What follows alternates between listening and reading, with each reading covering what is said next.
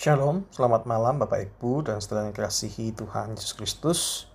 Harapan kami sepanjang hari ini Bapak Ibu dan saudara semua tetap pulih merasakan kasih setia Tuhan. Dan dalam anugerah Tuhan inilah mari kita merenungkan firman Tuhan untuk melengkapi hati kita hari ini. Mari kita berdoa. Syukur kami ya Bapa atas kemurahan dan kebaikan-Mu di sepanjang hari ini. Melalui hal-hal yang biasa, kami boleh merasakan karya dan kasih Tuhan yang luar biasa.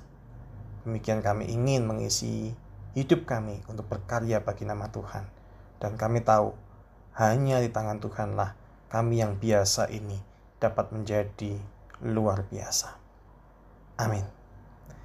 Firman Tuhan dari kisah para rasul 4 ayat 8 sampai 12. Firman Tuhan berbunyi demikian. Maka jawab Petrus penuh dengan roh kudus. Hai pemimpin-pemimpin umat dan tua-tua, jika kami sekarang harus diperiksa karena suatu kebajikan kepada seorang sakit dan harus menerangkan dengan kuasa manakah orang itu disembuhkan, maka ketahuilah oleh kamu sekalian dan oleh seluruh umat Israel bahwa dalam nama Yesus Kristus orang Nazaret yang telah kamu salibkan, tetapi yang telah dibangkitkan Allah dari antara orang mati, bahwa oleh karena Yesus itulah orang ini berdiri dengan sehat sekarang di depan kamu. Yesus adalah batu yang dibuang oleh tukang-tukang bangunan, yaitu kamu sendiri. Namun ia telah menjadi batu penjuru. Dan keselamatan tidak ada di dalam siapa pun juga selain di dalam dia. Sebab di bawah kolong langit ini tidak ada nama lain yang diberikan kepada manusia yang olehnya kita dapat diselamatkan. Amin. Demikianlah firman Tuhan. Berbahagia setiap orang yang boleh merenungkan dan yang melakukannya. Sebagaimana kita tahu bahwa para murid Yesus sesungguhnya adalah orang-orang yang biasa. Mereka bukan orang dari golongan terpelajar. Pekerjaan mereka sederhana, sebagian besar adalah nelayan.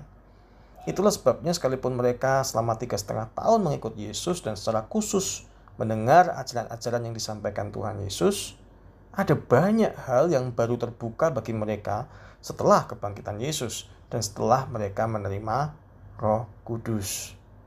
Tetapi sebelum itu, kematian Yesus yang sedemikian mengerikan membuat nyali mereka menjadi ciut. Harapan mereka akan Mesias yang mengalahkan musuh hancur dalam sekejap.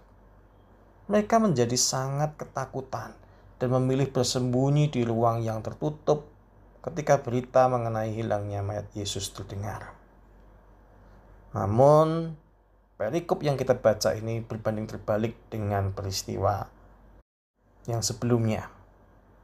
Petrus dan Yohanes menjadi orang yang sangat berani. Mereka bersaksi bahwa Yesus adalah Mesias.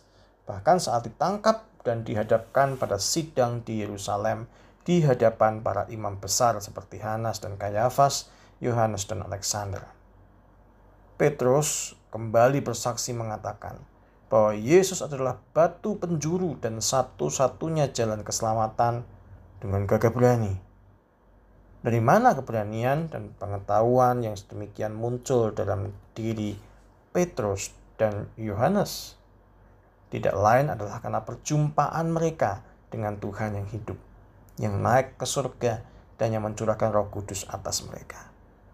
Itulah kekuatan yang membuat orang-orang biasa yang tadinya takut dan gentar itu berubah menjadi saksi-saksi kebangkitan yang gagah berani dan luar biasa. Demikian kita melihat bahwa kehebatan dan kekuatan orang-orang percaya sesungguhnya bukanlah ketika hidup mengandalkan kecerdasan dan kemampuan diri kita sendiri. Tetapi bagaimana kita menyerahkan hidup kita untuk hidup di dalam kehendak Tuhan dan menjalaninya dengan tekun. Tuhanlah yang akan menjadikan setiap perkataan dan tindakan yang biasa itu menjadi luar biasa. Bukankah Tuhan Yesus sendiri mengadakan banyak mujizat melalui air biasa di dalam tempayan, tanah liat yang biasa menjadi anggur yang baik. Mencelikkan mata orang yang buta sejak lahir melalui ludah dan tanah. Itu kan hal biasa. Memberi makan lebih dari 5.000 orang laki-laki melalui bekal makanan seorang anak kecil, lima roti dan dua ikan. Demikian juga halnya dengan kehidupan para murid Yesus. Segala yang biasa dan sederhana itu menjadi luar biasa dan istimewa oleh karena Kristus yang memberkati dan berkarya dalam kehidupan mereka dan juga dalam kehidupan saudara dan saya. Karena itu mari kita kerjakan panggilan kita untuk memberitakan Injil dengan tindakan-tindakan yang sederhana dan biasa namun dengan hati yang tulus untuk kemuliaan nama Tuhan. Maka Tuhan yang akan bertindak dan menjadikan yang biasa itu luar biasa. Selamat menjadi luar biasa. Tuhan Yesus memberkati. Mari kita berdoa. Terima kasih Tuhan atas kemurahan-Mu yang mempercayakan pelayanan pemberitaan Injil kepada kami Mampukanlah kami ya Roh Kudus untuk terus dengan tekun dan setia mencurahkan kasih dan kepedulian kami kepada sesama yang membutuhkan. Dan kami percaya Tuhan dapat mengubahkan semua menjadi karya yang luar biasa bagi setiap orang yang kami layani. Terima kasih Tuhan Yesus. Amin. Oke, selamat malam. Tuhan Yesus memberkati.